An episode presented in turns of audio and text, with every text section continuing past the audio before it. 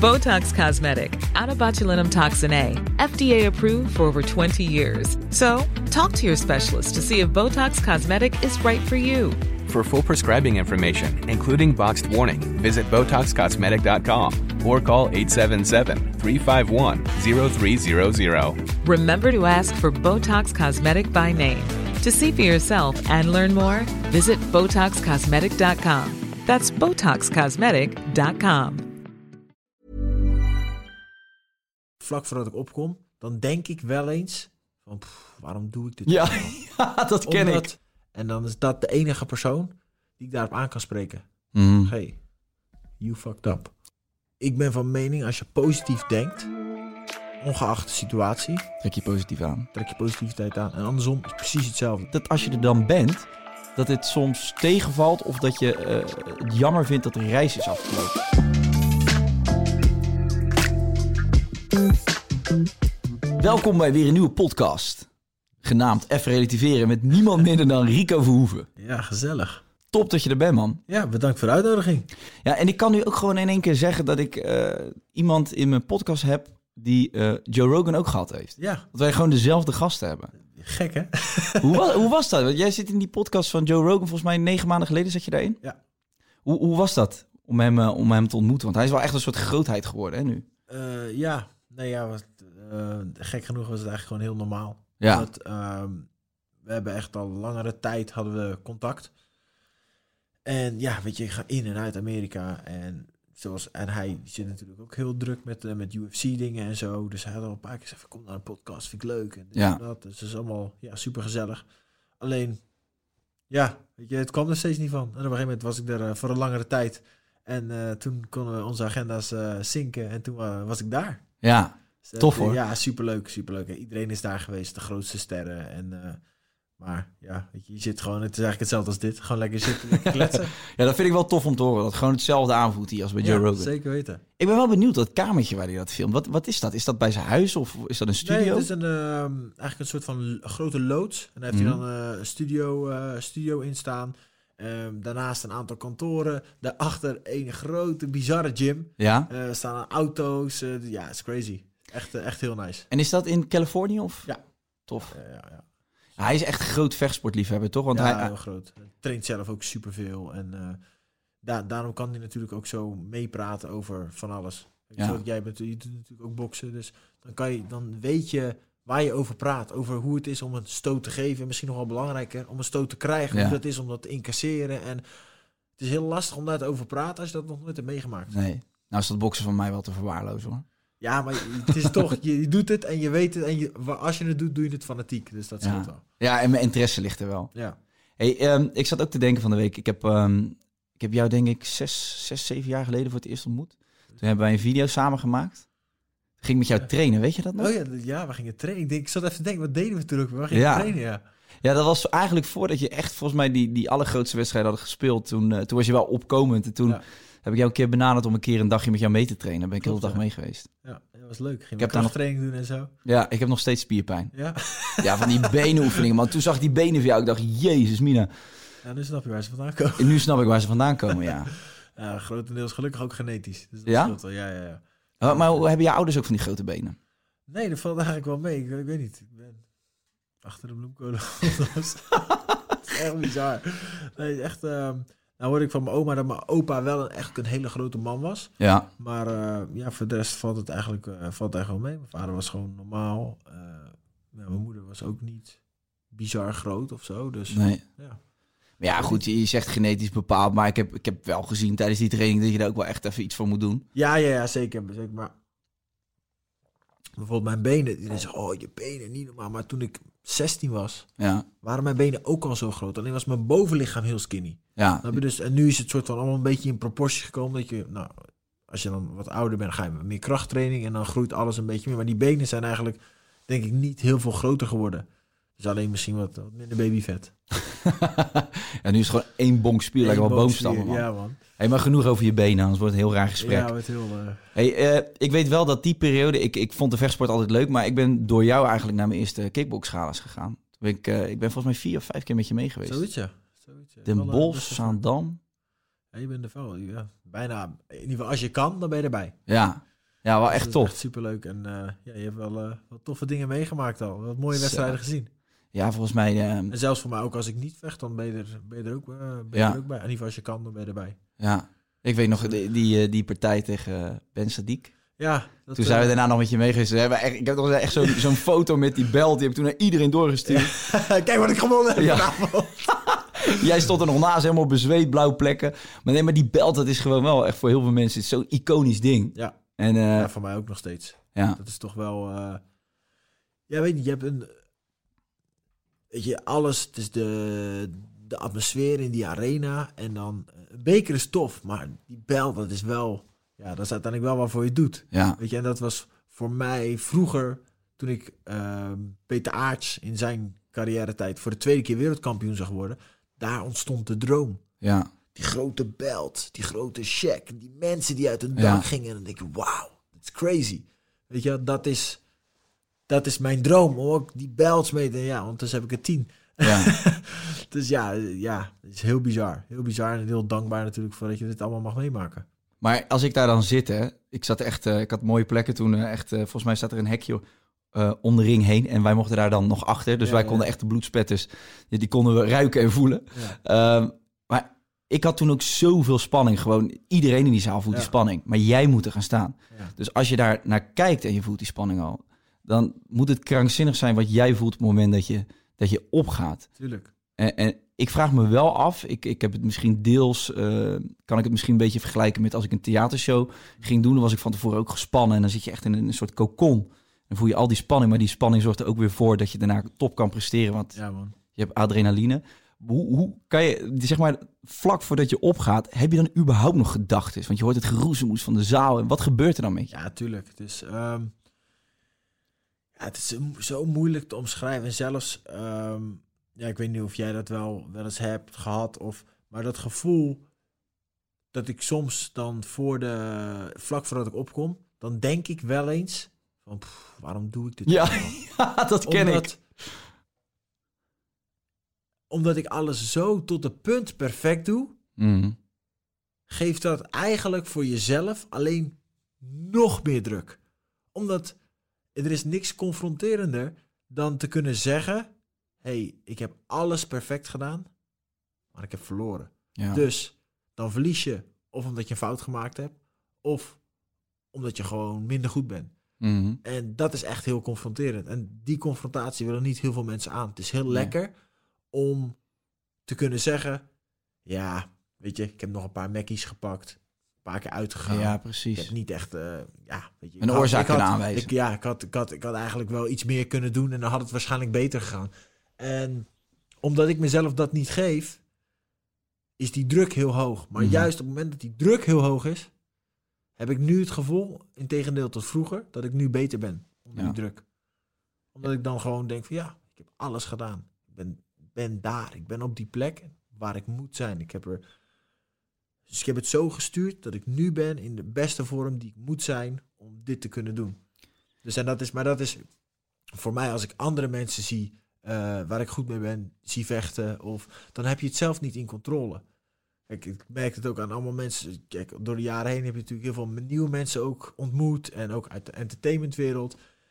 En die zeggen dan, hey Rico, ik wil een keer komen kijken. Nou, je, je kent elkaar, weet je wel, je, je spreekt elkaar af, maar kan je eten, je gaat lekker uit eten. Dit, dat. Maar op het moment dat ze mij dan in de ring zien, dan zijn ze ineens helemaal gestrest, omdat het gewoon een heel, ja, gewoon heel anders is. Het is uit, je kent iemand en het is uit je, ja, uit je controle. Ja, het is natuurlijk een heel, het is een geweldige show, zo'n gala. Maar eh, het woord show eh, betekent niet dat het niet realistisch is wat er Nee. gebeurt in die ring. Die klappen zijn echt. Het is Die, 100% die, die echt. pijn voel je. En Ja. ehm, wat ik wel interessant vind, is eigenlijk omdat je dus aangeeft van ik heb alles aan gedaan. En dat zeg je ook in je interviews. Ik heb Ja. top getraind. Dus niks wat ik heb gelaten. Of ik heb er een hele hoop gelaten bedoel ik. En ehm, ik heb er alles aan gedaan. Dus als ik vandaag niet zou winnen, ja, dan, dan ben je dus ehm, misschien niet goed genoeg. En ik denk dat dat heel, dat is inderdaad dan heel pijnlijk, denk Ja. ik, voor jou ook. Die confrontatie is, is ja, ik denk dat het het moeilijkste is om dat te onderzien eigenlijk. Of dat, dat je zegt van, dat je dat moet zeggen. Ja, Weet je, en daarom op momenten dat ik wel eens een wedstrijd verloren heb, of dat ik niet tevreden ben over een wedstrijd, dan ga ik letterlijk of voor de spiegel zitten, of s morgens als ik dan wakker word, mijn gezicht was en dan kijk ik in de spiegel. En dan is dat de enige persoon die ik daarop aan kan spreken. Mhm. Hey, you fucked up. Zo, je bent eigenlijk, je bent echt een soort tweestrijd met jezelf dan. Tuurlijk, je ziet jezelf in die spiegel. Je denkt, jij gaat mij niet teleurstellen. Bijna alsof het een andere persoon is misschien Zeker, soms. maar dat is... Weet je, je bent ook zo op jezelf aangewezen. Je Mhm. hebt het met z'n allen gedaan. Iedereen heeft je geholpen om daar mentaal in die, op die plek te komen. Dan ben je er. Maar jij bent degene die het moet uitvoeren. Dus het gaat of staat snap je, Ja. op wat jij doet. Dus ik het opfok, dan fok ik het op. Maar dan verliest heel mijn team. Mhm. Snap je? En dan om die confrontatie aan te gaan met jezelf. Te zeggen van, hé, hey, dit heb ik niet goed aangepakt. ja. Dat is, maar dat is niet alleen met dit. Dat is denk ik met alles in het leven. Ja. Het is zo lekker en het is zo makkelijk lekker je vinger te wijzen. Mhm. hey, deze podcast is, is kut, want de, camera niet de cameraman doet zijn werk niet goed. is lekker makkelijk, werkt goed. Zie weet je wel? Thijs? hey, hij hoort van een andere. Ja, we kunnen het maar beter gewoon gelijk Ja. stellen. Nee, maar dat is heel makkelijk. Ja. Maar het is heel pijnlijk om naar jezelf te kijken, naar jezelf te wijzen van... hé, hey, misschien had ik dit anders moeten doen, man. Dat niet Ja, dat is al een, op, op kleine schaal als mensen bijvoorbeeld zeggen van... eh, ik heb een tijdje ongezond geleefd en ik ga nu, eh, ik ga nu weer hardlopen. En dat ze een rondje gaan hardlopen en dan zeggen... oeh, ik heb eh, last van mijn knieën. En dan direct een oorzaak willen kunnen aanwijzen. Ja, ja, nee, maar daarom ook- doe ik het niet. Ja, of ik heb van de week lopen feesten dus. En jij probeert eigenlijk voor jezelf te creëren dat je geen enkel excuus hebt. Nee, kijk, dus, kijk naar jezelf. Ja. En dus, maar het is in alles in het leven, het is zo lekker makkelijk om een excuus te... Hé, hey, ja, het is coronatijd, dus ik sport niet. Of van de sportscholen zijn toch dicht. Ja. Ga naar buiten, ga hardlopen. Ga voor de televisie, ga opdrukken, ga buikspieren doen. Er zijn geen excuses. Overal is een excuus voor, maar er is ook overal een oplossing voor. En het is Ja. maar net hoe, ja, hoe graag je het wil. Ja. Dat is, de, dat is altijd mijn, mijn visie. En dat zeg ik ook in, dan, in, in mijn vak. Zeg ik, everybody wants to be champion, but nobody wants to put the work in. Mhm. Want het is zo makkelijk om te zeggen van... hey, weet je wat ik wil? Ik wil hebben wat Kai heeft. Lekker een beetje podcastje doen, lekker dit, televisie. It's easy work. Maar ik weet, toen wij samen dingen deden, was jij niet hier. Nee, klopt. Snap je? Was je ook aan het ploeteren en dingen Ja. aan het doen en noem het maar op. Maar nu je daar bent, zeg hé, hey, dat is wat ik wil. Oké, maar doe dan ook de Ja. dingen die jij gedaan hebt om hier te komen. Hetzelfde met ik. Met eh, wa- wat ik gedaan heb. Is zeg, hé, hey, ik, wil, ik wil wat Rico heeft. Ik wil kampioen zijn. Oké, maar stop ook de uren in die ik erin heb gestopt. Dag in, dag uit. Dingen opofferen. Eh, sociale leven. Noem het, noem het maar op. Alles wat erbij komt kijken. En daarom zeg ik altijd van het is zo makkelijk om te zeggen, dit is wat ik wil. Maar het is veel moeilijker om de dingen te doen om überhaupt daar te komen. Ja, zodra mensen concessies moeten maken, ehm, dingen moeten wegstrepen uit hun huidige leven om dat doel te bereiken, dan, dan wordt het een opgave. Dan wordt het lastig. Ken jij, eh, je kent vast wel eh, de term eh, law of attraction. Geloof je, daar, geloof je daar heilig in? 100%. Ja. Hetzelfde als. Ehm, ik ben van mening, als je positief denkt, ongeacht de situatie, Trek je positief aan. trek je positiviteit aan. En andersom is precies hetzelfde. Daarom, op een ik weet niet, ik denk dat iedereen dit wel meegemaakt, maar het is op een of andere reden, op het moment dat er iets kapot gaat in huis, gaan er twee, drie dingen achter elkaar. Ik denk, hoe dan? Waar heb ik dit aan verdiend? Dat alles tegelijk op. Op een of andere manier gebeurt dat gewoon. Shit Ja. komt gewoon achter elkaar. En dat heb je ook weer met. Maar andersom is het precies hetzelfde met positieve dingen. Dat je denkt, zo, zo, dit wel. Oeh, en die, en die, en die bal vallen ook allemaal lekker, zeg. Ja. Als die eenmaal rolt, dan zit je daarin. Alleen, je moet daar wel, je moet in die cirkel komen en je moet daarin blijven. Alleen, dat kan, de enige die dat kan doen, Ben, zo? jij met jouw mindset. gedachte, ja. Ja, ik, ik ben het hier uh, mee eens. Ik heb, ehm, ik heb het idee dat alles is maakbaar. En als je eh, het hebt over energie, eh, als jij doelen stelt... Ik ben ervan overtuigd dat het universum dat doel al voor je heeft klaar liggen. Precies. En als je daarin gelooft, en dat is ook een beetje het visualiseren van dat moment. Stel je voor, ik wil heel graag eh, de top bereiken in de bokswereld. Als je dat kan voelen en visualiseren en je vertrouwt erop, dan is de energie die je daarmee uitstoot ook de energie die dat naar je toe trekt. En ehm, bijvoorbeeld, ik heb het boek van, de, boek van Mike Tyson laatst gelezen. En die, die is daar natuurlijk ook een schoolvoorbeeld van. Ja. En eh, die ging zelfs zover dat zijn, zijn trainer, die Kas, die heeft hem toen eh, bij een eh, hypnotiseur langs laten Ja. gaan. En toen moest hij iedere ochtend tegen zichzelf zeggen, ik word de jongste wereldkampioen. Ja. En hij is, hij is een voorbeeld van dat je dat dan op een gegeven moment ook wel echt kan bereiken. Ja, maar dat, dat, letterlijk dat is het. En het grappige is dat je dat zegt. Ik had, een, ik had een interview met Mike Tyson, omdat je net vroeg, wat is je gevoel, wat door je heen gaat voordat je opkomt. Dus Ehm nou, interviewstijl was eigenlijk, hij vertelde zijn gevoel en verhaal. En daar, aan de hand daarvan was de vraag van hoe ik me daarbij voelde. Dus dat was dus het gevoel. Hoe voelde jij je toen je, als je opkomt? Wat gaat Ja. er door je heen? Mhm. Dus nou, het zijn dingen dat ik ik wil hem pakken, ik wil hem vermoorden, weet je, dat was, het, dat was zijn visie. En hij zegt, hoe voel jij dat? Ik zeg, ja, weet je, het is, ik, zeg, ik vind het zo moeilijk om onder woorden te brengen, omdat ik het, weet je, ik zeg, ik heb nog nooit drugs gebruikt, dus ik kan niet zeggen van, het is dit of dat. Ik zeg, maar ik denk dat het een soort van, voor een, voor een junk of zo, een shot heroïne moet zijn, weet je. Dan denk ik, Ja. oh mijn god, dit is bizar. Ik denk, Deze, ik denk, deze, deze man maakt de meest harde opmerking ooit. Hij zegt, champ, hij zegt, ik heb alle drugs gebruikt. Er is geen enkele drug die jou dat gevoel geeft van de adrenaline als je opkomt. Ja, ja, dat is ja. Ja, maar ik denk dat adrenaline eh, een vorm van... van het, ik denk als je drugs neemt, dan, dan, dan krijg je ook een soort adrenaline shot. En ja. die kick van je bloed dat gaat pompen en je zintuigen staan open. Ik denk dat Ja. dat wel vergelijkbaar is. ja, dus ja, crazy. crazy. Maar het is echt zo... Ik heb trouwens ook met een podcast met, eh, met Mike Tyson gezeten. Ook heel Ja? Dus, maar het was een hele, hele andere vibe. Hoe- heet, eh, hoe is hij hot, het hot, heet hot boxing. Oh ja, En, heb, je daarin gezeten? Ja, ja. Weet je dat eigenlijk, ik ben die, die podcast gaan kijken. Ik, was, ik ben sowieso diep gefascineerd door Mike Tyson. Eh, omdat hij dat cirkeltje het leven helemaal rond heeft gemaakt. Ja, ja, ja. Ik, ik weet niet, ik vind het fascinerend. En ook hoe humble die nu eigenlijk weer is. Ja. Ehm, ik keek die podcast heel graag. Dus dat heeft me ook wel gemotiveerd om een podcast te gaan doen. Maar jij hebt daarin gezeten. Ik heb er ook in gezeten, ja. Hoe was Dus, hij? eh, ja, hij is te gek. Maar ik, we, ik heb Mike al een paar keer eerder ontmoet. Dus hij heeft me ook een keer de belt gegeven na een wedstrijd. Dus dat is te gek. Dus toen ik daar kwam, dat is gewoon van, hé, hey, wij kennen elkaar gewoon. En je merkt gewoon, je zit gelijk samen op, op dat level, weet je wel? Van, ja, gewoon mutual respect. Mhm. En het was gewoon grappig hoe deze man... eh, Yo, what's up, champ? Ja. Dus eh, dat zegt hij ja, ah, good to see you, champ, weet je wel. Dus nee, deze, deze man is echt, echt top. En is echt, eh, wat je zegt, is gewoon echt heel, heel erg humble. Ja. Denk geworden. Hij is humble geworden. Emotionele man ook, hè? Ja, ja, ja, ja. En heel spiritueel ook. Ja. Dus daar hebben we het ook heel uitgebreid over in die podcast. Dus dat hij gewoon echt, ja, daar, ja, hij heeft natuurlijk wel het nodige meegemaakt, waardoor je wel... eh, Ja, als je dat boek leest, dan denk je, waarom wordt hier geen serie van gemaakt op Netflix of zo? Ja, er wordt een film gemaakt trouwens. Hè, van Echt? Ja. Dus eh, Jamie Foxx, die, eh, Oh, cool. die, gaat geloof ik... Ik weet niet of ze ermee bezig zijn. Of, maar ik, ik heb een interview gezien volgens mij... Wie was het nou? Volgens mij bij, bij Ellen. Dat Jamie Foxx een, ehm, een interview geeft. En dat hij, dat hij echt Mike Tyson gevolgd. Maar hij kan ook Mike Tyson heel goed nadoen hoe die praat, zeg maar. Ja. Dus, ehm, en hij kent Michael van of toen hij nog deed vechten en zo, weet je wel. Dus Ja. hij heeft dat helemaal meegemaakt. Dus ze gaan er volgens mij een film ervan maken over zijn leven. Wat vet. Ja, hij heeft natuurlijk het nodige meegemaakt. Dat is heel... eh, Ja, ik ben het zeggen.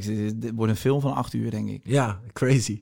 Echt Ja. crazy. Met tijgers en weet ik veel wat. ja, Ja, dat boek is fantastisch voor de mensen die zitten te kijken of luisteren. Lees dat boek van Mike Tyson. Het is echt het, krankzinnig dat iemand dat in één mensenleven kan meemaken. Ja.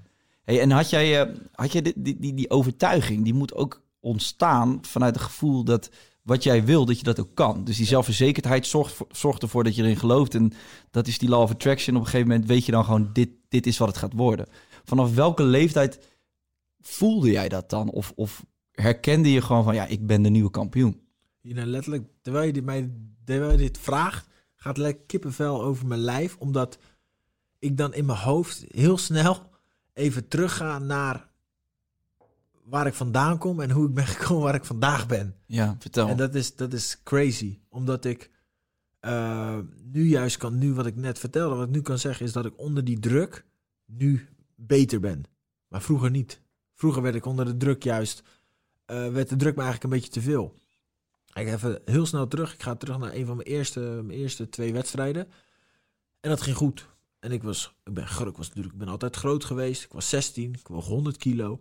En ik deed mijn tweede wedstrijd en dat was in Amsterdam tegen de, daar de publieke held, weet je wel. En die had ook zijn eerste wedstrijd gewonnen. Ik ook. En we gingen tegen elkaar. Waren allebei, eh, ik was 16, 17. Hij was, eh, hij was 18. Ook een grove gozer. Ehm, daar zat toen eh, een, een vechtmanager zat daar aan de kant. En ik deed, die wedstrijd. Ik won de punten. En na die wedstrijd komt hij naar me toe. Ja, ik ook wil je contract aanbieden. Dit, dat. Ik was net 16. Hebben dat eigenlijk afgehouden. En dat, hey, dat was wel een bevestiging van Mensen zien iets in mij. Hetzelfde dat mijn vader altijd iets gezien heeft in mij en mij gepusht heeft. Je moet trainen, dit, dat, want jij kan goed hierin worden. Nou, oké, dus eigenlijk blijven doen, wedstrijd blijven doen. En op een gegeven moment, was ik een jaar of 18 en toen tekende ik dus bij die man mijn eerste contract. Was ik ook de jongste die ooit een contract, een kickboxcontract had gekregen. En toen ja, had je wel het gevoel van, hey, op het moment dat ik mij gefocust op wat ik moet doen, dan ga ik daar komen, heb ik het gevoel. Weet je, ik werk keihard, ik ben met van alles en nog wat bezig. En dingen gebeuren en ze lopen zoals ik hoop dat ze lopen, omdat ik hard werk. En dat was heel fijn. Dan is je eerste droom, toen die tijd, de K1-tijd nog, en toen ging K1 wel naar beneden, was ik wil graag K1-vechter worden. Mm. Nou, dus ik tekende dat contract. En een aantal maanden later vocht ik dus mijn eerste wedstrijd voor de K1 in Hawaii. Ja, dat was bizar. En dan is dan iedere keer zet ik, voor- zette ik voor mezelf doelen. En ja, die kwamen dan uit. Hey, ik wil K1-vechter worden. Tuurlijk, de basis was ik wil kampioen zijn. Maar je moet doelen zetten wanneer je kan toewerken. Ik wil K1 vechten. Boom, ik stond in de K1. Fuck, ik heb mijn eerste wedstrijd. Ik heb mijn eerste wedstrijd gewonnen. Keihard. Oké, nu wil ik kampioen worden. Weet je wel? Nou, toen op een gegeven moment... ehm, ik weet even niet meer precies hoe oud ik was. Denk 20, een- ik denk 20, zo in 1920. Toen vocht ik mijn eerste toernooi voor de K1. Voorrondes toernooi voor de grote finale. En in Japan. En toen kreeg ik heel veel druk en spanning van... Ja, Rico, deze man is de nieuwe... De, Ben je echt op een voetstuk ja, geplaatst? is dan? de, is de nieuwe Peter Aarts. Mm. Peter Aarts was al mijn voorbeeld altijd natuurlijk. Ehm, en ik was dan de, de nieuwe Peter Aarts, omdat ik dan de eerste soort van blanke Hollander was, die weer terugkwam in het kickboksen. Natuurlijk hebben we, hebben eh, Sam Schild en dit, dat, maar die was al daar. Mhm. Weet je, maar ik was nu dan de nieuwe, de nieuwe persoon die kwam. Weet je. Nou, En mensen houden er ook van om te vergelijken. hè? Je wordt altijd gelijk met iemand juist, vergeleken. juist. Dus daar hebben we natuurlijk, we hadden allemaal vechters en Badder en die en dat. Allemaal goeie, maar ik was dan de nieuwe Peter Aarts. En dat gaf mij zoveel druk dat ik zo slecht presteerde. Omdat ik dacht, oh, miljoenen mensen op televisie. Mensen zeggen dat de nieuwe Peter heb. Maar Peter Aarts is een beest, is een monster. En nou, toen was het niks. toen was ik echt heel slecht. Ja. Dus omdat ik mezelf zoveel druk gaf. En toen daarna ging ik eigenlijk naar mezelf kijken van... Maar de vraag is, waarom doe ik dit nou eigenlijk? Dat mezelf afvragen, waarom stap ik in de ring? En waarom doe ik wat ik, wat ik, wat ik daar doe? Flexibility is great. That's why there's yoga. Flexibility for your insurance coverage is great too. That's why there's United Healthcare Insurance Plans. Underwritten by Golden Rule Insurance Company, United Healthcare Insurance Plans offer flexible, budget friendly coverage for medical, vision, dental, and more. One of these plans may be right for you if you're, say, between jobs, coming off your parents' plan, turning a side hustle into a full hustle, or even missed open enrollment. Want more flexibility? Find out more about United Healthcare Insurance Plans at uh1.com. Omdat ik dit leuk vind. Denk ik, oké, maar hoe kan je dit leuk vinden? Ja, dit is waar ik mee opgegroeid ben. Ik weet niet beter dan dit. Ik vind dit gewoon leuk om die competitie aan te gaan. Hard te trainen. Het is niet dat ik het leuk vind om iemand pijn te doen. Ik vind het leuk om te laten zien dat ik beter ben als mijn tegenstander. En dan, ja, gevolg is dat je elkaar moet raken en elkaar daarmee mee pijn kan doen, weet je wel. Maar je bent allebei getraind, dus je weet wat er, ja, waar je waar je, je voor inschrijft. Dus dat was dan die vraag. Toen heb ik het eigenlijk allemaal van me af laten vallen. Van wat mensen ervan vinden. Wat mensen van mijn vechtstijl vinden. Of ik mensen nou wel knock-out sla. Of ik mensen nou niet knock-out sla. Als ik maar win en het naar mijn zin heb op het moment dat ik het aan het doen ben. Mhm. En sindsdien eh, ja, gaat het supergoed. ja. dus, eh, dus ja, en zo hebben we dan heel snel... Nu worden mensen met jou vergeleken. Ja, dus nu gaan we zo snel... Die, is, is dat even snel er doorheen gelopen natuurlijk. Ehm, ja, dan ben je gewoon op een gegeven moment op een plek in je hoofd... waarin je, waarin je rust hebt. Je Mhm. hebt rust omdat je de meningen van anderen niet meer uitmaakt. Maar het is ook omdat je op het moment dat je vergeleken gaat worden met anderen, dan zit je in je hoofd misschien al te veel te denken van moet ik dan ook gaan acteren als een ander? En Ja. dan ga je misschien al te veel van je eigen pad af. En dan ben je ja, distracted en dan kom je niet meer tot je recht misschien. Ja, precies. Het is gewoon... Daarom heb ik zoiets van, ik ben gewoon mezelf. Ja, Rico die mensen hier zien, is precies dezelfde Rico als die mensen... als ze mij op straat aanspreken, komen ze ook deze Rico tegen. ja, Ik zeg, alleen wat ik kan zeggen is, de Rico in de ring is iemand anders. ja. Nou, die persoon ben ik ook niet ineens. Niet dat ik een knop zet en die Rico ben. Nee, die persoon word ik op het moment dat die wedstrijd dichterbij komt. Er gaan een aantal weken overheen. Ik ga een soort van, dat moment ga ik dan ook in quarantaine. En trek mezelf terug. Niet te veel mensen om alleen, alleen mijn team. Dan kan ik, dan kan ik anders en heftiger reageren op bepaalde dingen, weet je wel. En nou, ik wil niet dat mensen mij zo zien. Omdat ik eigenlijk niet die persoon ben. Alleen dat werkt voor mij om de persoon te zijn, of die ik moet zijn, op het moment dat ik in de ring sta. Ja, Dus dat zijn twee andere mensen. En voor de rest ben ik eigenlijk altijd. Ja. Op televisie, whatever, op straat. Ik hoef mezelf niet anders voor te doen als dat ik ben. nee. Ik hoef hier nu niet te zitten en nou, toevallig ken je mij, maar als je mij niet zou kennen, van zo dat jij denkt, wat is die Rico een intimiderende gozer. Ja, ik, vind, ik vind het best spannend al. Nou, die anderhalve meter is niet voor corona. Is gewoon dat ik bang, eh, bang ben. Ik raak je net niet. hè. maar dat is, nou weet dat is, nee. Weet je Nee. wat ik moet doen? Op het moment dat ik in de ring sta, moet ik doen wat ik moet doen. En voor de rest, that's it. Voor de rest ben ik gewoon een gezellige, gezellige gozer, gezellige Ja. papa en that's it. Wat wel ook interessant is aan dit hele verhaal, eigenlijk als je, als je een- je hele leven een doel hebt wat je wil bereiken, dan ga je alles daarvoor opzij zetten. En dan werk je naar dat doel toe. Wat je vaak hoort, hè, dat dat kan ook met, met zaken doen. Als mensen iets zakelijks willen bereiken, eh, een bedrijf willen opzetten, dan, dan werken ze naar naartoe. En die reis er naartoe Ja. is vaak het mooist. Ja. En het rare is dus dat je je hele leven alles opzij zet om iets te bereiken. Op het moment dat je het bereikt hebt en je bent op dat punt, hoor je veel mensen, sporters, eh, mensen uit de televisiewereld of iemand die, die... Maakt niet uit wat je wil bereiken, maar dat, dat als je er dan bent, dat het soms tegenvalt of dat je eh, het jammer vindt dat de reis is afgelopen. Herken je jezelf daarin? Heb je dat wel eens gehad? Nee? Omdat ehm, ik ben zo'n strever. Ik blijf die, die lat blijf ik opzetten. Dus ik ben, ik ben eigenlijk nooit waar ik wil zijn. Nee. Dus en het leuke is dat ik continu nu nog steeds dingen gebeuren. eh, die dromen die uitkomen. Dus uit de basis, eh, bijvoorbeeld, nou die tijd, eh, daar hadden wij het dan net over voordat de camera's aangingen. Van ik wil een, een, graag met een autopartner samenwerken. En ik wil graag een, een, een samenwerking met een autodealer. Oké, daar zijn we. Boom, we werken samen met Land Rover, met Knook. Te gek. Oké, die, die drive hebben, weet je, dat hebben we bereikt. Volgende stap. Ja, ik zou het tof vinden als, als mensen het omarmen. Dat, dat we eigenlijk gewoon een normale sport zijn. Dat we geen mafkezen zijn. Tuurlijk, wat we doen is, is heftig. Dat snap ik ook. Maar ik ben gewoon, ben ook maar een mens. Ik breng ook mijn kinderen naar, naar school en noem het maar op. En ik doe ook met z'n kleuren en whatever. Dus, boom, dat hebben we ook bereikt. Nou, wat grappig is, nu we het net over auto's hadden, is dat ik denk in tien jaar of zo, ik train al heel lang in Utrecht ook. En reed ik heel, langs, lang, heel lang langs die autogarage, langs de snelweg. Ja, ja, ja. Die, die sportauto's. Ja. En dat ik gewoon ooit tegen mezelf gezegd heb van op een dag ga ik hier een auto halen. Ja. Snap je? Dat is weer dat stukje van Ja, is weer dat stukje. Nou, en boom, tien jaar later hebben, zijn we daar. Heb ik bij Lauwman een auto gehaald. Te gek. Dat jij- huis, luister, wat, het huis waar ik nu in woon, heb ik zeven jaar geleden, acht jaar geleden, liep ik daar langs. Ik woonde ergens anders, ik woonde in die buurt en ik liep daar langs. Toen zei ik op een dag, nou, toen verdiende ik echt nog niet, toen was ik blij dat ik mijn huur kon betalen, verdiende ik nog niet dat geld. Zei ik van op een dag, als dit huis te koop komt te staan, ga ik het kopen. Ik weet niet hoe, maar dat huis is nu van mij. Ja, maar je voelde, je? voelde toen Je ook al. maar het is, ik, is gewoon wat ik doe, is ik spreek het uit. Ja. Ik spreek het hardop uit. Ik wil acteren. Boom. Ik zeg het gewoon. Wat wil je Nederlands film? Nee man, ik wil Hollywood films doen. Vriend, ik werd gewoon ehm, begin van het jaar, vlak voordat ik naar Amerika ging.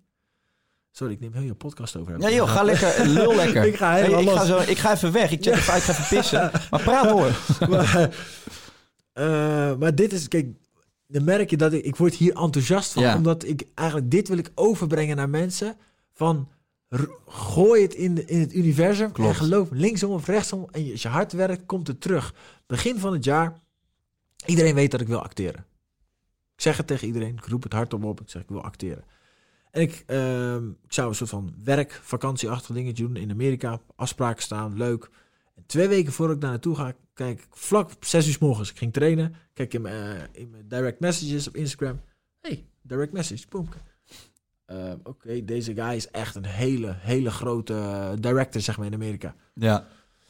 Yo, Rico, dit, alles goed. En ja, ik ben een te gekke vecht, te gekke film aan het opnemen samen met, samen met Dwayne Johnson, met The Rock. Ja. En ja, een, een vechtscène, daar ben jij perfect voor, man. En laten we kijken, dus over twee weken laten we kijken of je, ja, of je kan.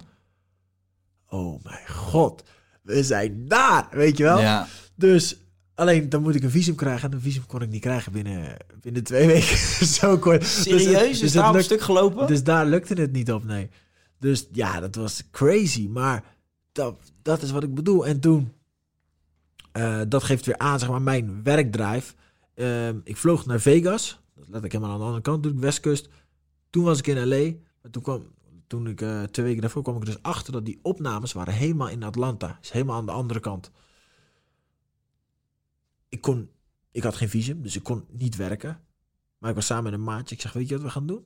Ik zeg, wij boeken gewoon een vlucht naar Atlanta. Mhm. Wij gaan gewoon die handshake doen daar. Dat ze ons even weer gezien hebben. Ja, tuurlijk. Even, weet je wel, even top of my... Oh ja, dat is die guy, Ja. weet je wel. Jammer dat hij niet dit, maar... Dus we hebben die... Even hoor. Dinsdagavond zijn we daar naartoe gevlogen. Nou, zes, zeven uur vliegen. Daar geweest, denk ik, twee uur geslapen. Vijf, zes uur op de set geweest. En daarna weer zeven uur teruggevlogen. En ik denk van, dat, dat zijn dingen... Die moet je doen, die moet je over. Toen ik daar terug in L.A. kwam... was een zombie. Dat ik kwam Ja. letterlijk uit The Walking Dead gewoon. Maar ik was daar, ik was op de set. The Rock, Ryan Reynolds, handje geschud. Yo man, tof, te gek. Thanks voor de opportunity, weet je wel. Jammer dat het niet is gelukt, maar eh, ja, laten we zien wat... het Zij gelijk, ja, maakt niet uit. Linksom, rechtsom, we doen nog genoeg projecten. In de toekomst gaat dit zeker goed komen. Ja joh, en dat ene handje, dat slaat weer een brug voor zoveel meer.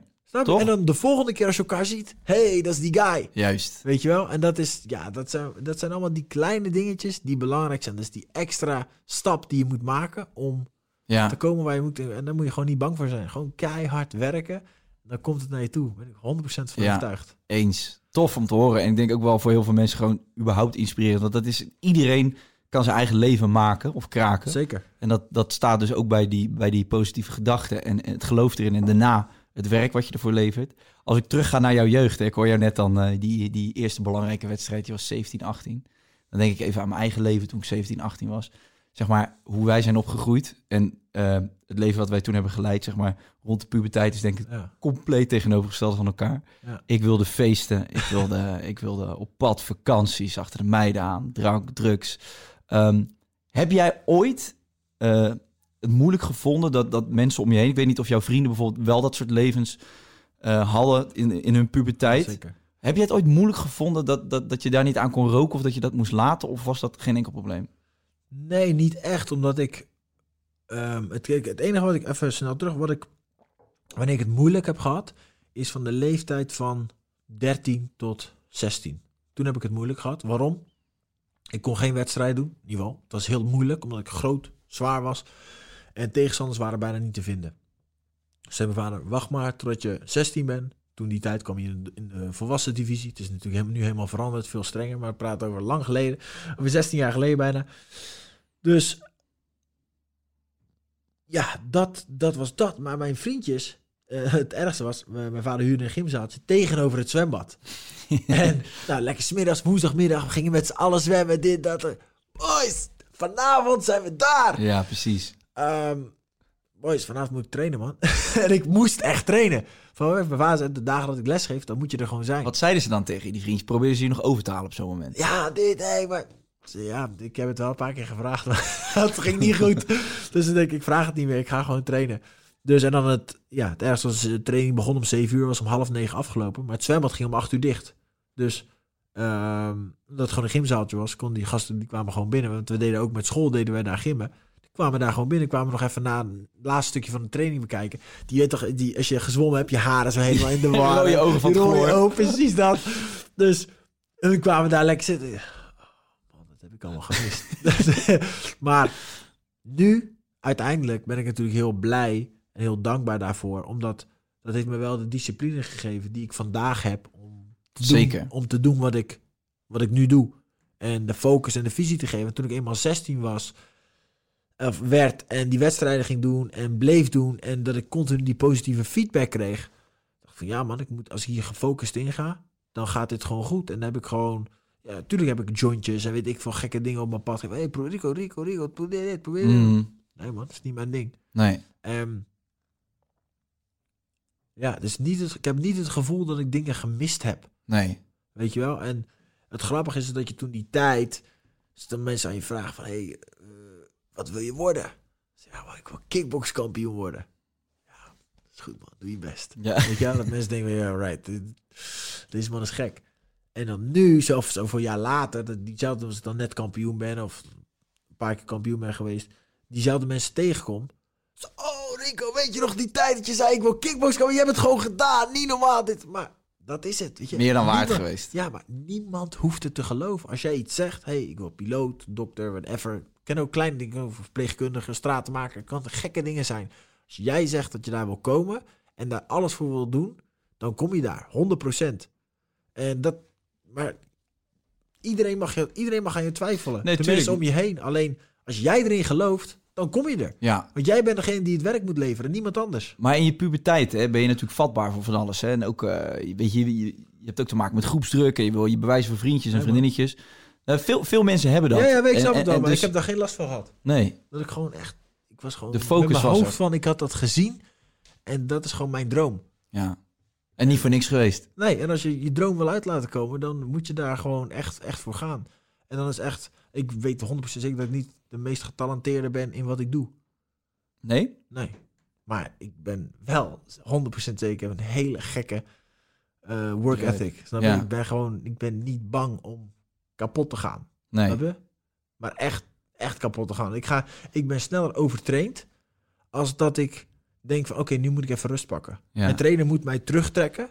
Zeg van hé hey, vriend, beter doe je nu niks. Want anders dan val je dadelijk val je om, weet je wel. En dan is je lichaam kapot en dan heeft het geen nut. Nee. Dus dan soms is, is juist rust beter dan de arbeid. Alleen in mijn hoofd is als ik stilsta, dan sta ik stil. En dan gaat mijn tegenstander mij voorbij. Dus het is een soort van focus Ja. om continu te werken, werken, werken. Ik vind het niet erg om te werken.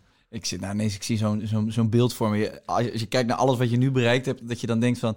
Stel je voor dat je dat had laten schieten, omdat je toen in die tijd met je vriendjes een blootje wilde roken ergens bij een zwembad. Weet je wel? Dat zou toch, Ja, dat is toch heel heftig geweest Ja, dat is toch bizar? Ja. Nee, maar het is gewoon die, die gedachtegang. Ja, die werkt gewoon voor mij. ja. Gewoon van, hé, hey, weet je, gewoon hard werken en... Oké, wacht, voordat de, de mensen die kijken of mensen die luisteren dit verkeerd gaan... Het is niet dat ik niet oké ben met waar ik nu ben. Nee. Ik ben, oh, ik ben op zo'n mooie plek. Ik zit op zo'n goede plek in mijn leven. Dingen zijn op orde, weet je wel. Alles is, ik ben dankbaar. Maar ik ben nog steeds diezelfde gedreven guy om continu te werken. Want ik zet andere doelen. Tuurlijk was het doel om kampioen te zijn. Oké, nu ben ik kampioen. Nu wil ik kampioen blijven. Wil die sport optillen. Ik wil arena's uit. We hebben gewoon de geld. We hebben een voetbalstadion uitverkocht. Het heeft kickboksen nog nooit gedaan. In ieder geval in Nederland nog nooit gedaan. Ik was Vroeger in erbij, Japan wel. Ja, Het was krankzinnig die dag. dus dat is crazy. Dus dat is, snap je? Ik vind het Ja. leuk om die, die dingen neer te zetten, om geschiedenis te En schrijven. heel Nederland keken. Want eh, met heel Nederland bedoel ik bijvoorbeeld mijn moeder, die heeft niks met de vechtsport. Maar die zat gewoon te kijken. Ja. Dus het is, het is, het is echt, het is eh, bijna een soort van mainstream geworden. En dat is wel vanaf eh, dat jij voor Glory bent gaan vechten, is dat wel geëvalueerd. En, en ja, die laatste partij was natuurlijk ook geweldig tegen Ja. Badden. En, ja, dat is te gek. ja, Snap je? En dat zijn dan de wedstrijden waar mensen voor leven, weet je wel. Die Tyson Holyfield. Wauw. Ja, maar daarvoor werd, vo- daarvoor werd kickboksen toch een beetje weggeschoven. Weet Ja. je wel? Terwijl in Japan waren de Nederlandse vechters grootheden. Ja. En in Nederland konden ze gewoon naar de Albert Heijn en niemand herkende ze. Ja, maar dan komt het een hele andere, hele andere imago, een hele andere vibe omheen heen. En dat wilde ik, dus dat was ook een van mijn doelen, om dat te laten zien dat dat anders is. Dat Mm. niet- tuurlijk, dat zijn daar, maar dat is in elke sport. Zitten er rotte appels tussen. Ja. Snap je? En, maar nu zijn we daar dat we gewoon met, met wat we doen gewoon eh, goed onze boterham kunnen verdienen. En daar gewoon goed van kunnen leven. ja. Weet je wel? En ja, dat is gewoon, dat is te gek. En dat iedereen dat dan op deze manier omarmt. Ja, daar ben je alleen maar super dankbaar voor. Tof. Ik, ehm, ik, heb wel, eh, ik heb wel eens gezien dat, dat, of je ziet wel eens bedoel ik, dat eh, sporters die hun hele leven lang eigenlijk alles opzij hebben gezet voor de sport, ehm, jarenlang heel gedisciplineerd hebben geleefd. Op het moment dat de sport dan stopt, zie je ook wel eens met voetballers, dat ze het dan heel erg moeilijk vinden om controle te houden. Omdat er dan een soort wereld open gaat Mm. die ze daarvoor altijd ver weg hebben geduwd. Ja. Voetballers die ineens veel uitgaan, feesten en zichzelf dan een beetje kunnen verliezen. Ehm, ben je daar wel eens bang voor, dat die periode ooit aanbreekt? Nee, eigenlijk niet. Want eh, in mijn ideale eh, wereld, in mijn hoofd, ben ik... eh, hoop ik dat dit een van mijn laatste contracten is. Hoe oud ben je nu eigenlijk? 31. Oké. Dus nou, je zou normaal gezien echt mijn voorgaande kampioenen hebben dit toch zeker tot de jaar of 7, 38 wel gedaan. Sommigen wel langer. Maar het is gewoon niet mijn ambitie. Nee. Dus ik, en ik, grappig is dat al die oude kampioenen, hebben wij ook allemaal gezegd dit en dat. Maar ik doe zoveel, heel veel van die gasten hadden niet niks eigenlijk, eh, hadden niet echt iets wat ze zouden willen na de sport. Naast een, eh, een een sportschool of whatever. Maar mijn ambitie is gewoon acteren. En daar hoop ik diezelfde, Waar komt dat eigenlijk vandaan, die ambitie om te acteren? ja, weet niet man, dat is gewoon, vind ik, toen ik opgroeide zag ik de film Kickboxer. Ja. Terminator. ik dacht, van, wauw, dit is crazy. En dan, ja, met die guns. En je kan juist in die films kan je dingen doen die je... Gewoon een soort nieuwe Rambo. Ja, dat je die in het echte leven niet kan doen, weet Ja. je wel. En dat is te gek. En nu, nou, ik ga een echte Hollywood film maken. En ik ben in de voorbereidingen daarvoor eigenlijk, jammer genoeg door deze tijd... eh, zouden we eigenlijk deze maand zouden we al bezig zijn met het schieten van de film. Kun je daar al wat meer over vertellen? Of? Eh, nou ja, het is een, eh, een beetje een storyline. ehm aan de basis was, ik werd dus benaderd van Rico, we willen graag een film eh, maken met jou in de hoofdrol. Want we zien jou als nieuwe actiester. Nou, te gek. Dus Als, iemand, als je dat krijgt, is Ja. een super groot compliment. Wat voor iets zou je willen maken? Dus oké, even terug. Dus jullie willen dit doen met mij. En ik mag be- bepalen, ik mag een voorkeur geven naar wat voor soort film. Ja, let's go. dus ik zei, oké. Ehm, dus ik ja, co-produceer deze film ook mede. Dus waardoor ik ja, zeg maar een vinger eh, in de pap heb. Mag je ook andere acteurs kiezen? Ja, ja te gek. Te gek. Dus eh, ik- we, we, got a budget. We Wat got a budget. I, uh, I know a guy from the Netherlands, Ja. Kai Stiepetjes. Ja, kijk, Steve, he is great. Ik heb hier de nieuwe Scarface. ja, dus eh, kan mannen en vrouwen spelen. Ja. dus als we hem één keer betalen, kunnen we meerdere malen inzetten.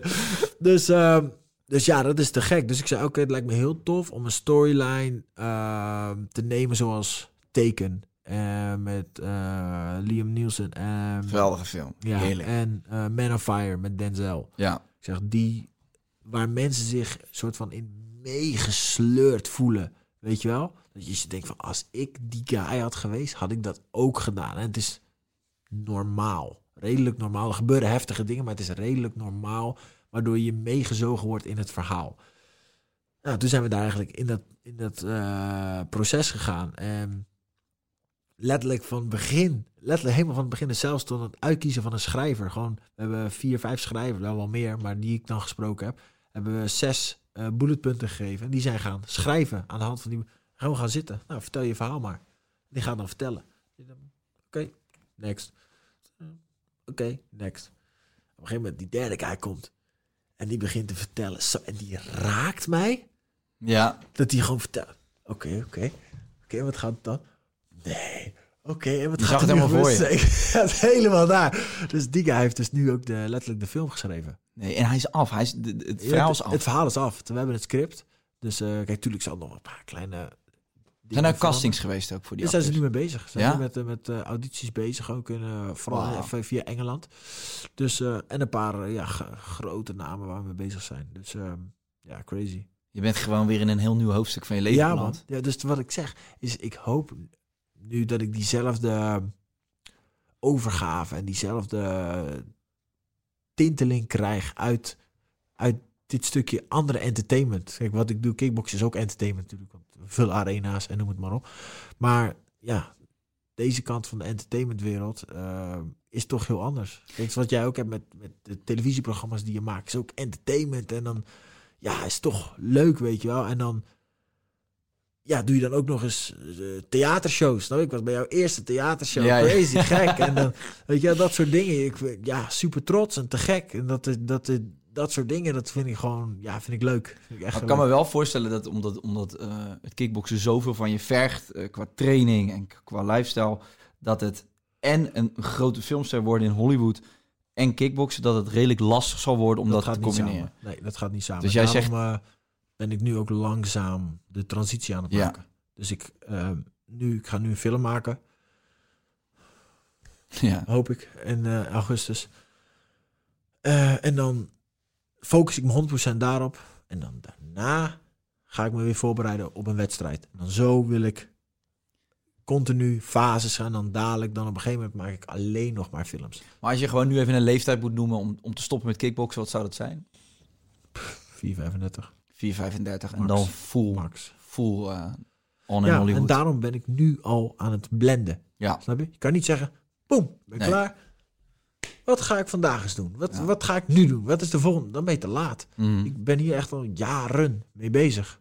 Met Ja. dit hele proces van ik wil gaan acteren en dit en acteerlessen nemen. En Weet je, heb je die, eh, heb je die ehm, documentaire gezien van eh, Jimmy Iovine en ehm eh, ja, Dr. Dre? Crazy. Daar zit een quote in, die vind ik, dit, dit is ook weer, komt neer op wat jij nu ook zegt.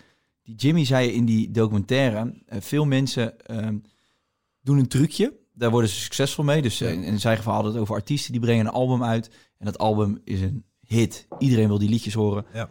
Die artiesten worden lui, want dat trucje werkt. Dus wat doen Ja. ze? Ze proberen de volgende keer datzelfde trucje te halen. En hij zegt, je moet voor de, echt in het middel van je succes, moet je al durven innoveren en zeggen van mijn volgende album wordt compleet anders. Ja.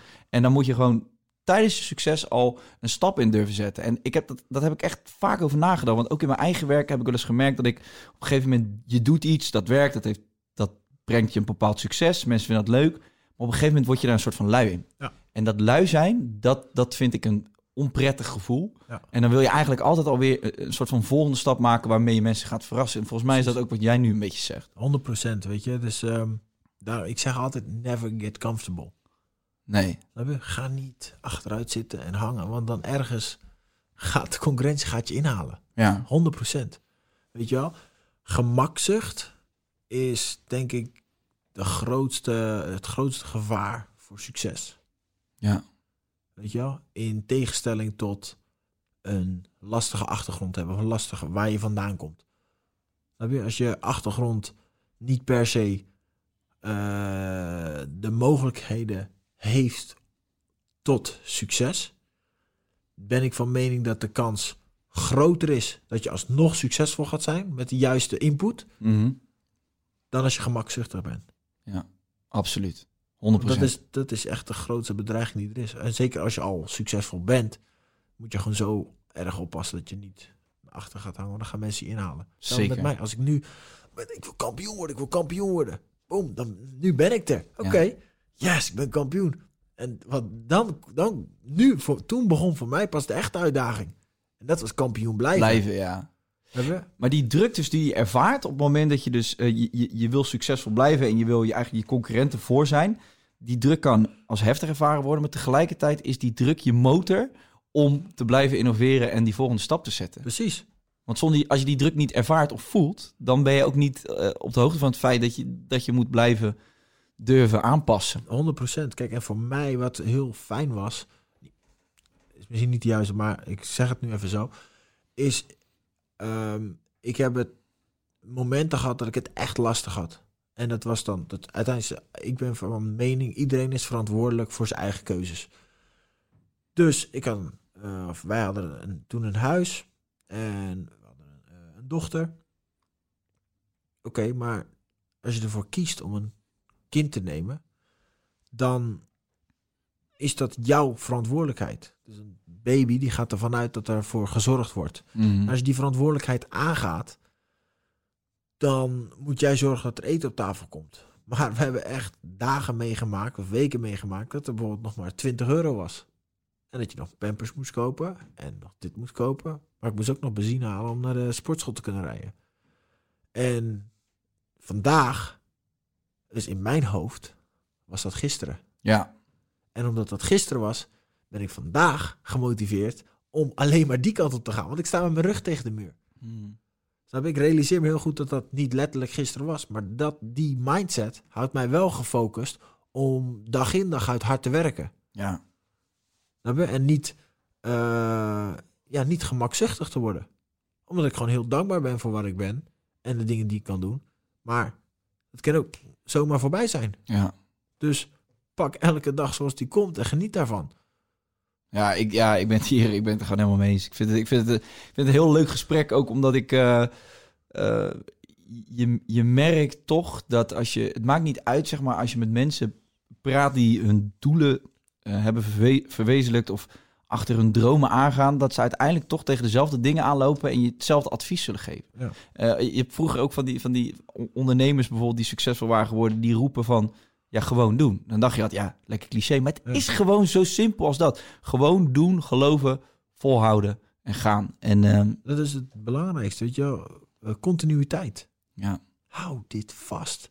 En wat voor mij werkt, is ik omring mezelf met mensen die dezezelfde mindset hebben. Die positief zijn, die hard werken. Ze zijn succesvol, maar ze zijn nog steeds op die plek. Ze denken, ik ben er, maar ik moet nog steeds hard blijven werken om daar te blijven. Snap je? Ehm, weet je, het is gewoon, ik, het is niet fijn om mensen te, eh, ja, te moeten pushen of dat je denkt van continu mensen whatever op te Ja, moeten of- tillen of zo, weet je wel. Ik heb, ik moet ik moest lachen.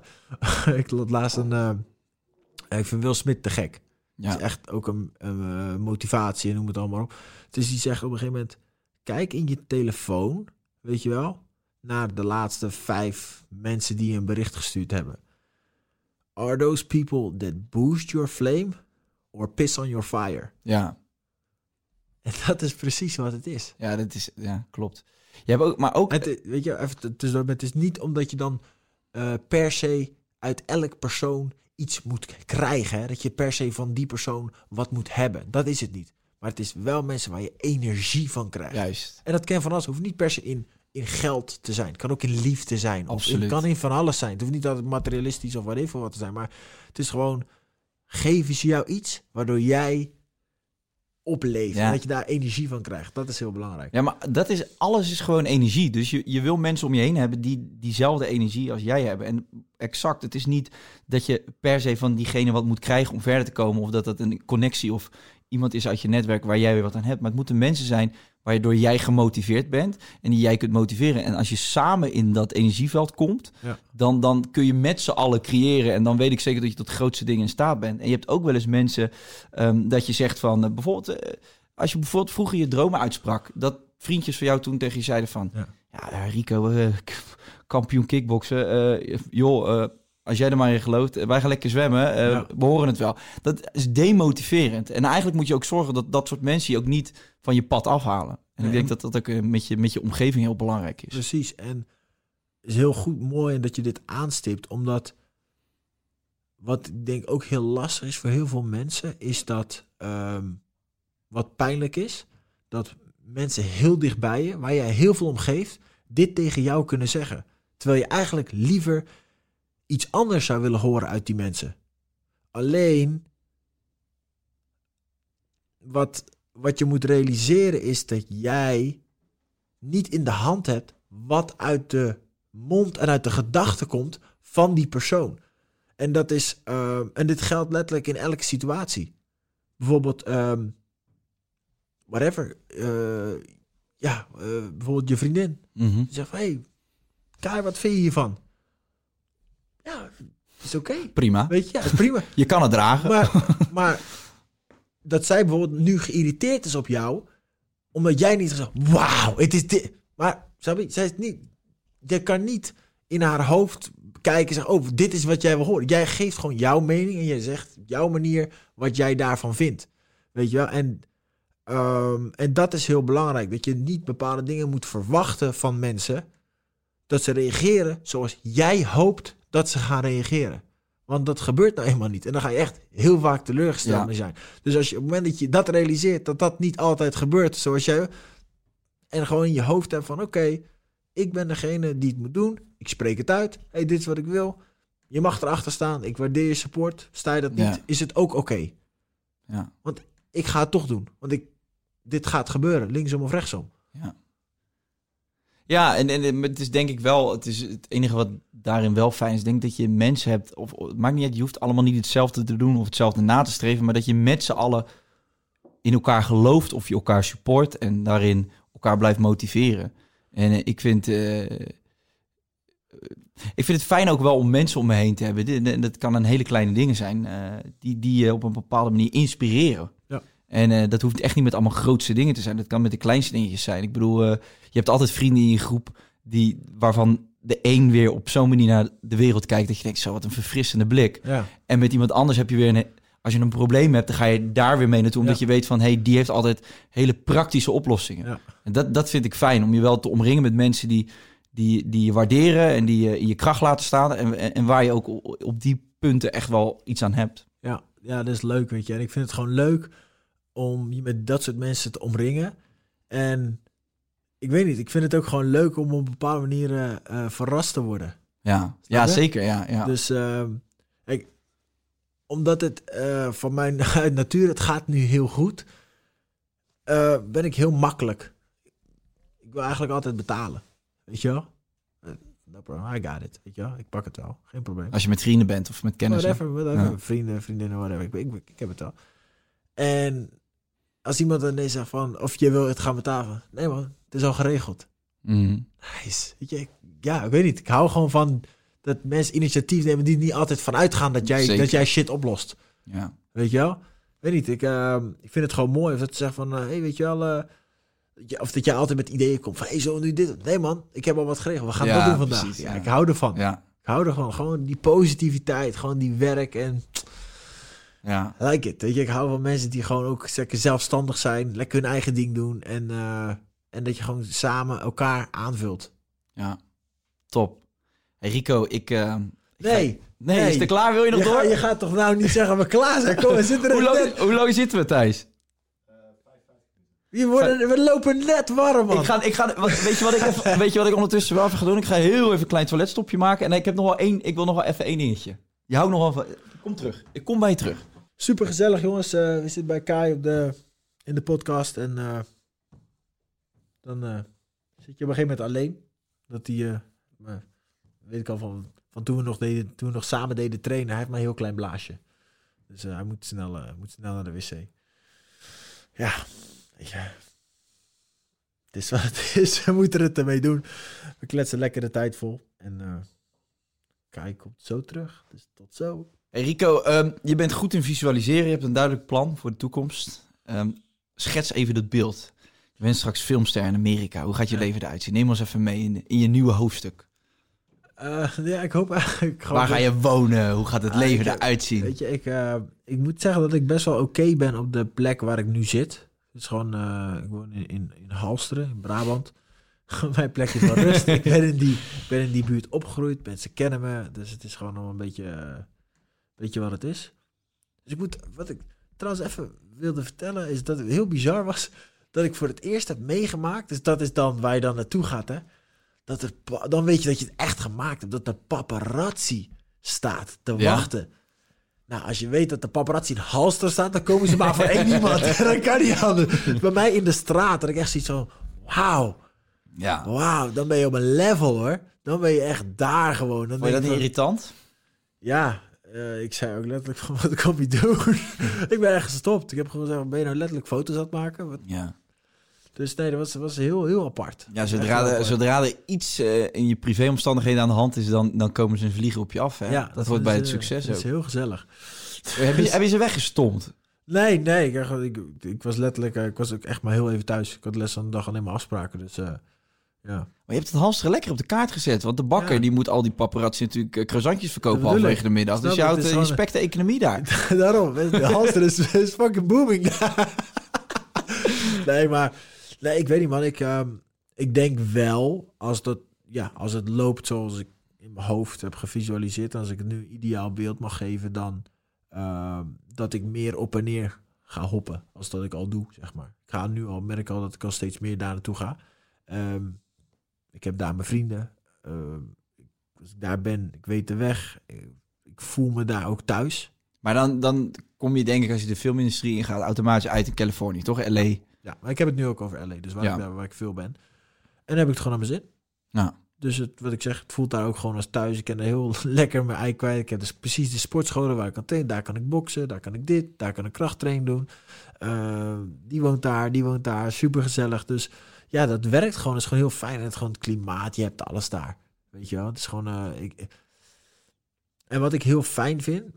ehm, kijk, niet vergeten, Amerika is heel nep, hè? Het is overal Mm. maar, hey, how are you? Dit, Ja, dat is ja. allemaal heel overdreven. Maar wat ik heel lekker vind, niks is een gek idee. Nee. Dus als je eh, met een idee komt, van, nee, van dat, dat moet je niet doen, man. Dat is echt, eh, dat is too much. Nee, er Alles is, er kan, is? Er is geen gek idee, omdat ze weten, alles is mogelijk. Weet Ja. je? En daar hou ik van die mentaliteit van, oké, als jij erin gelooft, ga ervoor.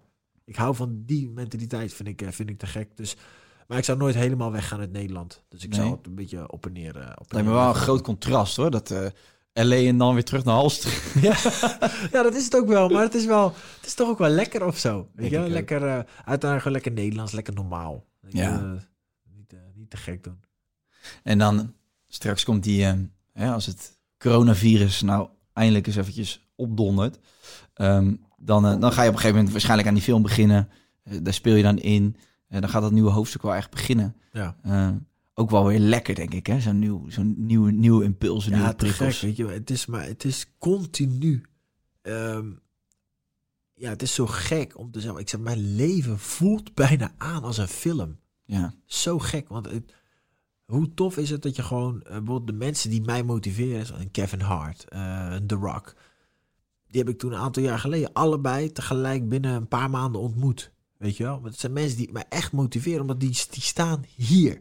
Snap je? Die staan op het allerhoogste niveau in wat hun kunnen doen in, in, in hun vakgebied. Mhm. En nog steeds dag in, dag uit, super gemotiveerd om keihard te werken. ja. Dat, Hoe is Kevin Hart? Wel een mooie kerel volgens dat mij. is echt een- zo'n toffe gozer. Ja. Dus ehm, Van hem krijg je dus ook, als je, als je naar zijn filmpjes kijkt op, op, eh, op Instagram, dan krijg je echt een goede, goede energie van. Zo'n vrolijke bek heeft hij. Ja. En eh, altijd, ook altijd wel bezig met mensen motiveren. ja, te gek. Dus het grappige was, dus, ik- we waren in de Ziggo Dome bij zijn show. Nou, via via, achter de, de samen, met, samen met Dino. Ja. Achter de schermen, superleuk. Maar ik weet dat mijn management al een, mijn Amerikaanse management al een reach-out had gedaan van, hey, weet je, als jullie tijd hebben om te trainen, eh, Rico is in Nederland, weet je wel, let's go. Dat vinden, vinden leuk, want ik weet dat hij ook van box houdt. en zo. Dus Ja. ze, ze hadden me al, ze wisten al dat ik daar was en als ze tijd hadden dat we dat gingen doen. Dus, eh, maar je weet, het is altijd lastig, dit, dat. Dus toen waren we daar even handschud, dit, dat praten. Ik zei, hey, als jullie trainen, let's go, weet je wel. Laten we het doen. dus toen zei hij van, nou, we, we spelen morgen in Antwerpen. Dus dan kunnen we, ja, weet je wel, daar kunnen we waarschijnlijk wel tijd maken. Ik zei, nou, Halsteren is echt heel dicht bij Antwerpen. Misschien 25 minuten. Ik zeg dus, let's go. Ik zeg dus, maar als jullie dan met, eh, misschien, ik zeg, als jullie rijden van Amsterdam naar Antwerpen. Ik zeg, dan rij je eigenlijk langs Halsteren. Ik zeg, dan, ik heb, ja, kun je daar bij de gym, kan je komen trainen, weet je wel. Eh, nee, we gaan vliegen van Amsterdam om naar eh, Antwerpen. oh, oké. oké. Dus, nou, contact, contact gehouden. En toen zijn ze in de middag van... eh, de, in ieder geval, we hadden s'avonds afgesproken, laten we in de middag gaan trainen. Dus ik kreeg in de appje om 12 uur van, nou, we zijn echt... eh, We waren net uit Amerika, zwaar jetlagged. Trainen gaat hem niet worden. Maar nu, laten we na de show trainen. Dus toen ben ik om 12 uur s'nachts ben ik naar Antwerpen gereden, naar het hotel. En eh, hebben we daar letterlijk van, eh, ja, van half één tot, eh, tot drie uur s'nachts... eh hebben we even een uurtje getraind. En voor de rest lekker, eh, lekker gehangen, gekletst. En, eh, In dat hotel ook. in dat hotel, ja, in die gym. Wat grappig. Ja, was te gek. Was te gek. En dan ook dan merk je weer dat je gelijk op zo'n zo'n klik zit met iemand, weet je wel. Super tof. En eh, ja, nummers uitgewisseld. En later nog eh, gewoon, ja, dat je gewoon elkaar kan bellen, weet je. Ik denk, fuck, ik Kevin Ja. Hart aan de telefoon. Ja. Maar ja, het is zo, eh, het is bizar. En dan, ja, dan zie je ineens hoe klein de wereld eigenlijk is. hè? ja, ja, maar echt gewoon. En dan ben je gewoon op dat level. En dan, ja, gewoon weer, weer hetzelfde. Hardop uitspreken van, hé, hey, dit is waar ik naartoe wil. En als er dan ooit wat komt, dan kunnen ze je een keer ergens tussen klappen, weet je wel. Ja. Dus het, ja, want het- ik was in de tijd dat ik begin van het jaar in Amerika was, heb ik zoveel mensen ontmoet. En ook mensen die ik al kende, weet je wel. Weer. Je denkt van zo, de sterren die ik nu allemaal gezien heb, is eigenlijk bizar. Omdat het zo normaal is eigenlijk geworden. Denk je van oké, het is wat het is. Maar het is eigenlijk bijzonder. Ja, maar ik denk ook vanuit, eh als je een vechtsportachtergrond hebt en je hebt daarin grote successen bereikt, dat eh, heel, het is, dit, dit is dat niet veel mensen durven dat en kunnen dat. Dus je krijgt sowieso vanuit alle hoeken heel veel waardering. Hè. Je ziet Ja. nu ook, eh, ja, of of nou bekende of onbekende mensen zijn. Wat ik zeg, mijn moeder zit ook gewoon ineens naar die kickboxwedstrijd te kijken en die zeggen, wauw, eh, tot ze dat durven. En dus ik denk sowieso dat, dat de waardering die je krijgt van mensen om je heen, of dat nou hele grote sterren zijn, dat, dat de prestatie die je hebt Ja, neergezet, dat dat heel veel men, voor heel veel mensen ook echt iets unieks is. En dat ze je daarom ook veel sneller eh, zouden toelaten in... eh, Ja, zeker. Dat is ook zo. Maar ik, het is ook letterlijk mijn, mijn visie van... Ik denk iedereen, wat je ook doet in je leven... Iedereen is op zoek naar bevestiging. Mhm. Elke dag eigenlijk. Continu. Als ze van, hey, toffe blouse heb je aan, man. Thanks man. Toch. Ja. Is, toch nog is, lang duren. is, is, is lekker. Ja, is gewoon lekker. Ja. En zeker als je dat van een, van een onbekende, iemand die je niet vaak ziet of helemaal nooit, je van, hey, zie er goed uit vandaag. Oh, thanks man. Ja. Is, iedereen zoekt die, be- zoekt die bepaalde, alleen als je be- bekend bent, zoals dat wij zijn, dan krijg je heel veel bevestiging. Maar iedereen vindt het fijn. Mhm. Iedereen vindt het fijn om die bevestiging te krijgen. Mensen Eh, eigen. ja, en dat is gewoon heel fijn en daar ga je gewoon heel lekker op. En dat Ja. is ook weer die positiviteit Ja. die positiviteit. En weet je, tuurlijk, van al die positiviteit heb je ook altijd wat negatieve dingen. Maar ja, laat die op je afkomen, Ja. lekker van je afglijden en lekker door. En die, al die positieve dingen lekker absorberen. En daar ga je gewoon, ga je gewoon super lekker op. Maar kanttekening is dus wel in dit verhaal ook natuurlijk bevestiging is lekker, maar je, we hebben het ook over gehad dat ook als je die bevestiging in het begin niet krijgt, laat je daardoor niet. Nee, je, Eh, moet, het, je moet het toch Ja. doen. Je moet, in ieder geval, als je, het, als je het maar graag genoeg wil. Ja. Je moet het toch doen. Want ook al zeg je van, ja, ik wil dit, dat. Oh, ja, moet je doen. En als iemand zegt, zou ik niet doen. Maar als jij het echt heel graag wil, wil je niet ehm, zoveel jaar later jezelf afvragen van, oh, had ik het, had ik het maar wel gedaan. Dus dat is ook een heel mooie, ik ben echt, een, ik, ja, ik kijk altijd die motivatie, speeches en quotes en zo. Dus op een gegeven moment, eh, Denzel, die zegt, Denzel Washington, die Ja. zegt dus van, hey, how many ghosts are gonna be around your deathbed? Met what ifs. Mhm. Weet je wel? Dus hoeveel what ifs ga jij om je heen hebben op het moment dat jij op je sterfbed ligt en je denkt van, oh man, toen ik, toen ik die kans had of toen ik de, had ik dat maar even gedaan of toen ik die leeftijd had, had ik dat even moeten Ja. doen. Snap je? En die, dat, dat is wat je jezelf moet afvragen. Ik probeer er zo min mogelijk. Ik wil gewoon zoveel mogelijk gedaan hebben, zo hard mogelijk werken. En zeg van, ik heb dat gedaan en ik ben bijna daar gekomen, maar ik heb er wel alles voor gegeven. Je hoeft er niet altijd te komen, hè. Maar als je maar weet dat je er alles voor gedaan hebt, dan kan je dat, kan je dat laten. Weet je, ik heb alles gedaan, ben er net niet gekomen, maar ik kan in ieder geval geen excuus bedenken waarom ik het niet gedaan heb of niet geprobeerd heb. Ja. En dat is gewoon, ja, ik denk dat dat wel een soort van eh, rust geeft in je hoofd. ja. Tof. Genieten. Ja. Maar ik, nou, ik denk, als we door, we kunnen gewoon Nou, uren vullen. We Ja, kunnen. YouTube kapot maken met, met één podcast gewoon. Alleen maar motivational talks. Motivational talks. Nee, ik vind het heel leuk, man. Ik, eh, ik, ik eh, ben heel erg blij dat je gekomen bent en dat je zo open was. Ehm, en ik denk voor heel veel mensen motiverend. Ook voor mij weer tof. Ik, ik krijg ook gelijk weer even een kick van bam, knallen. Ja, ga en, je eh, eindelijk weer aan het werk. Dus dat vind ik fijn. Ja. Je, ik zie je alleen maar zitten en hangen en op die Instagram. Ja, weet je, ik denk van, kijk, ga nou eens uit je huis, ga nou eens Echt, hè? werken, man. Ah, je hebt je aanbijen van het zitten, Je man. bent zo lui. Ja. Nou, het eerste wat ik ga doen is jou hier die podcast zo uitzetten, want jij blijft zitten. Ik heb ik ben zo trots op deze man, jongens. Echt. Deze, we kennen elkaar van toen hij nog, nog... Als ik zeg vlogjes maken, bedoel ik dat niet eh, denigerend. Maar van die tijd eh, kennen we elkaar al. En eh, ja, weet je, je gaat als een trein. Je, je doet televisiedingen. Je doet alles eigenlijk. En alles is booming. Dus eh, trots op jou, broer. Echt. Thanks, gek. vriend. Hartstikke bedankt. En nogmaals bedankt dat je hier bent gekomen. En we gaan je in de gaten houden. Ik ben benieuwd. Sowieso. Over twee jaar doen we deze podcast weer. Dan gaan we kijken waar in Amerika je precies woont. En wie je nog meer hebt 100 ontmoet. procent. Oké, thanks man. Thanks, Iedereen guys. bedankt voor het kijken en luisteren. Ciao.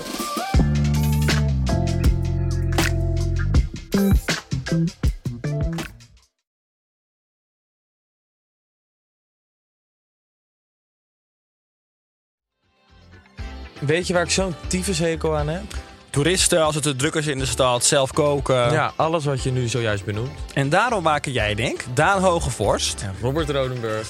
een podcast waarin we alleen maar klagen. Want klagen is HET medicijn tegen het collectieve leed wat maandag heet. Dus elke maandagochtend een nieuwe te horen op je favoriete podcast-app. Maandag Klaagdag! Jezus, zingen moeten wij nooit doen. Botox Cosmetic, out of botulinum toxin A, FDA approved for over 20 years. So, talk to your specialist to see if Botox Cosmetic is right for you. For full prescribing information, including boxed warning, visit BotoxCosmetic.com or call 877-351-0300. Remember to ask for Botox Cosmetic by name. To see for yourself and learn more, visit BotoxCosmetic.com. That's BotoxCosmetic.com.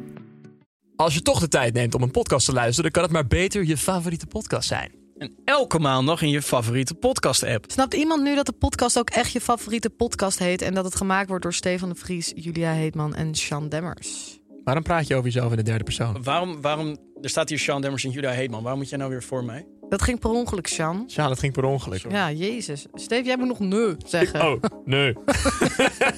Je, je, je